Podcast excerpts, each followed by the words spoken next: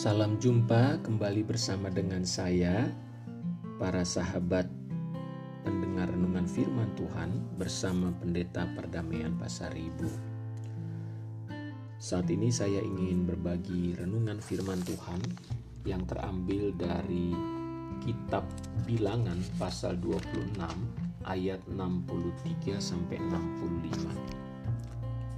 Itulah orang-orang yang dicatat oleh Musa dan Imam Eleazar ketika keduanya mencatat orang-orang Israel di dataran Moab di tepi sungai Yordan dekat Yeriko. Di antara mereka tidak ada terdapat seorang pun yang dicatat Musa dan Imam Harun ketika keduanya mencatat orang Israel di padang gurun Sinai. Sebab Tuhan telah berfirman tentang mereka pastilah mereka mati di padang gurun. Dari mereka itu tidak ada seorang pun yang masih tinggal hidup selain dari Kaleb bin Yefune dan Yosua bin Nun. Para sahabat sekalian, dalam perjalanan orang Israel keluar dari Mesir menuju tanah Kanaan, Musa pernah diperintahkan oleh Tuhan untuk melakukan pencatatan dua kali yang pertama adalah ketika mereka baru keluar dari Mesir, di mana pada saat mereka tiba di Gunung Sinai, di situ Tuhan memberikan hukum Taurat dan juga sekaligus memerintahkan Musa untuk mencatat orang Israel yang berusia 20 tahun ke atas. Lalu kemudian di dalam pembacaan kita yang kita dengar tadi, Tuhan kembali menyuruh Musa untuk mencatat jumlah orang Israel beserta nama-namanya mereka yang berusia 20 tahun ke atas. Nah, pencatatan yang kedua ini dilakukan oleh Musa di perbatasan Sungai Yordan, kota Yeriko. Jadi, mereka sudah hampir memasuki tanah Kanaan. Ada yang menarik di dalam pernyataan kitab bilangan tadi. Dikatakan bahwa nama-nama mereka yang dicatat pada waktu pertama kali ternyata tidak lagi terdapat nama-nama tersebut pada pencatatan yang kedua. Artinya, mereka yang pernah dicatat pertama kali adalah orang-orang yang keluar dari tanah Mesir. Namun, menjelang mereka memasuki tanah Mesir, ternyata nama-nama mereka sudah tidak ada. Ke manakah mereka tersebut? Apakah yang terjadi dengan nama-nama tersebut sehingga mereka tidak lagi ada di catatan Musa? Nah, ternyata menurut kitab bilangan tersebut, orang-orang yang keluar dari tanah Mesir dan telah dicatat namanya, mereka mengalami kematian di dalam perjalanan. Mereka tidak berhak atau tidak berhasil masuk ke tanah perjanjian tersebut.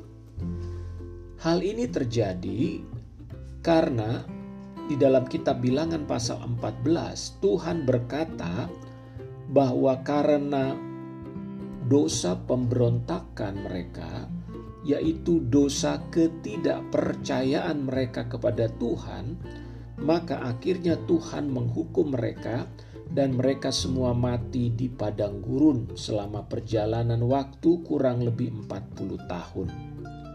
Jadi siapa yang masuk ke tanah Kanaan yang benar-benar karena berasal dari tanah Mesir yang keluar dari tanah Mesir hanya dua orang, yaitu Yosua bin Nun dan Kaleb bin Yefune. Para sahabat sekalian, tema pada saat ini adalah jangan biarkan namamu terhapus. Jangan sampai namamu terhapus kita melihat perjalanan Israel adalah sebuah perjalanan yang luar biasa. karena mereka dilepaskan oleh Tuhan dari penjajahan di Mesir dan kemudian Tuhan membawa mereka dengan berbagai macam mujizat. Perbuatan-perbuatan Tuhan yang sangat dahsyat, spektakuler. Kita membaca misalnya bagaimana sepuluh tulah. Lewat sepuluh tulah Tuhan memaksa Mesir untuk melepaskan bangsa Israel karena Firaun tidak rela melepaskan Israel untuk keluar dari penjajahannya, dari perbudakannya. Namun Tuhanlah yang akhirnya memaksa Firaun untuk melepaskan bangsa Israel dengan melakukan sepuluh tulah. Lalu dalam perjalanan tersebut Tuhan menolong mereka, melindungi mereka dengan tiang awan dan tiang api. Kita tahu selama perjalanan di padang gurun, itu kalau siang panas terik, makanya Tuhan memberikan tiang awan untuk melindungi mereka dari sengatan panas terik. Lalu kalau malam hari padang gurun itu suhunya bisa minus berapa derajat, dan Tuhan melindungi umatnya dengan memberikan tiang awan. Lalu mujizat-mujizat lain adalah bagaimana Tuhan menyediakan makanan kepada bangsa Israel selama perjalanan mereka. Mereka tidak pernah kekurangan makanan. Para sahabat sekalian, bangsa Israel keluar dari Mesir tidak kekurangan mujizat.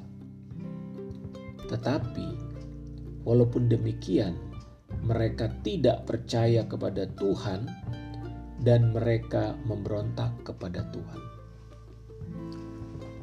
Sesuatu yang ironi sekali.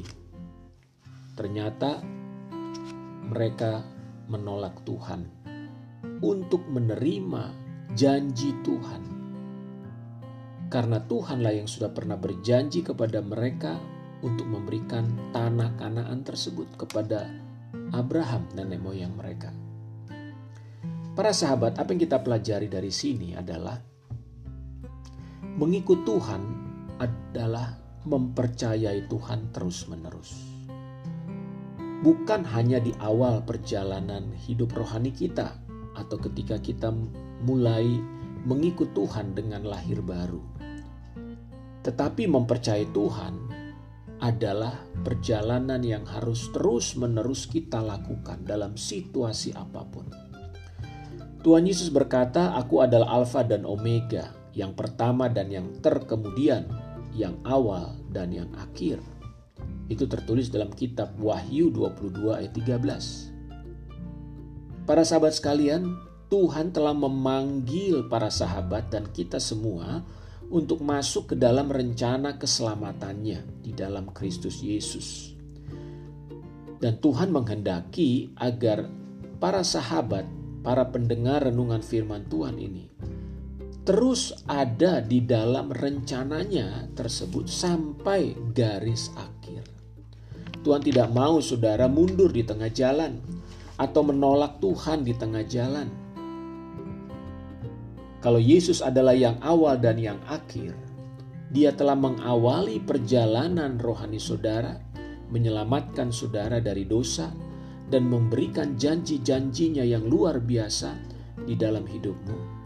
Maka tentunya Tuhan pun ingin agar saudara sampai kepada garis akhir dalam hidupmu ini dengan tetap percaya kepada Kristus. Setialah sampai akhir. Jangan lepaskan imanmu kepada Tuhan Yesus. Teruslah percaya. Rasul Paulus mengatakan bahwa Injil adalah kekuatan Tuhan yang menyelamatkan setiap orang yang percaya. Dan orang benar hidup karena iman. Artinya, kita diselamatkan diawali dengan iman kepada Kristus dan harus kita mengakhiri hidup kita ini dengan tetap percaya, tetap beriman kepada Yesus Kristus. Percaya kepada janji-janji Tuhan. Jangan pernah meragukan janjinya dalam hidup kita. Di tengah-tengah situasi yang sulit mungkin saudara sedang hadapi pada hari ini. Saya mau berkata kepada para sahabat, para pendengar renungan firman Tuhan ini. Percayalah kepada Tuhan. Teruslah percaya kepadanya. Percayalah kepada firman-Nya, janji-janjinya. Dia berjanji memelihara engkau. Dia berjanji menyembuhkan sakit penyakitmu. Dia berjanji menyediakan segala kebutuhanmu. Jangan engkau khawatir tentang apa pun yang kau makan atau minum atau pakai. Percayalah dia sebagai perisai dalam hidupmu. Dia akan melindungi engkau dari segala mara bahaya, dari segala penyakit menular, penyakit sampar. Percayalah bahwa dia adalah gunung batu keselamatanmu yang melindungi engkau dari semua kejahatan. Tetaplah percaya, tinggallah di dalam Kristus tetaplah melakukan firman-Nya. Kiranya Tuhan Yesus memberkati para sahabat sekalian. Mari kita berdoa. Terima kasih Bapa di sorga untuk firman-Mu. Engkau menghendaki dan meminta kami untuk tetap percaya kepada Tuhan. Sekalipun kami menghadapi masa-masa yang sulit, menghadapi situasi yang tidak baik, tetapi Engkau mau supaya kami percaya bahwa dalam situasi tersebut Engkau hadir, Engkau ada dalam hidup kami. Bahkan Tuhan Engkau adalah gunung batu kami, tempat kami bernaung, tempat kami berlindung. Kami ada di dalam Tuhan Yesus Kristus. Kami aman di dalam Engkau ya Tuhan, dan Engkau menyediakan segala kebutuhan kami. Bapakku berdoa bagi para sahabat yang sedang mengalami pergumulan-pergumulan dalam hidup mereka. Tuhan Engkau berikan jalan keluar, dan biarlah pertolongan Tuhan yang tidak pernah terlambat itu boleh dialami oleh para sahabat. Mereka yang sedang bergumul dengan sakit penyakit saat ini, Tuhan aku berdoa untuk kesembuhan mereka. Penyakit apa pun yang sedang mengikat mereka, melemahkan hidup mereka, kami bersepakat saat ini menghancurkan segala kuasa penyakit, virus COVID-19 kami patahkan dan perintahkan pergi keluar dalam nama Yesus Kristus. Mereka yang sedang dilanda dengan penyakit kanker, tumor ginjal, paru-paru, penyakit lever, apa pun jenis penyakitnya, hai engkau penyakit kami katakan pergi dan keluar dari tubuh orang-orang yang mendengarkan renungan firman Tuhan ini. Orang-orang yang percaya kepada Yesus Kristus, kami perintahkan keluar dan pergi segala sakit penyakit. Tuhan engkau juga yang memberikan kekuatan kepada mereka yang lemah kepada mereka yang sedang berputus asa pada saat ini. Tuhan, mereka yang sedang mengalami keraguan dan kebimbangan, Engkau menguatkan mereka Tuhan. Engkau memberikan kekuatan yang baru. Janji firman-Mu bahwa Engkau senantiasa menyertai kami anak-anak-Mu. Engkau tidak pernah meninggalkan kami. Roh Kudus ada dalam diri setiap kami. Roh penghibur, itulah yang menghibur hati kami. Memberikan kami selalu pengharapan. Terima kasih Tuhan, terima kasih. Biarlah berkat Bapa melimpah turun atas setiap para sahabat mendengar renungan firman Tuhan pada saat ini. Terpujilah namamu Tuhan. Kami berdoa dan mengucap syukur di dalam nama Tuhan Yesus Kristus. Amin. Puji Tuhan para sahabat, kiranya para sahabat terus setia dalam Tuhan. Tuhan memberkati. Shalom.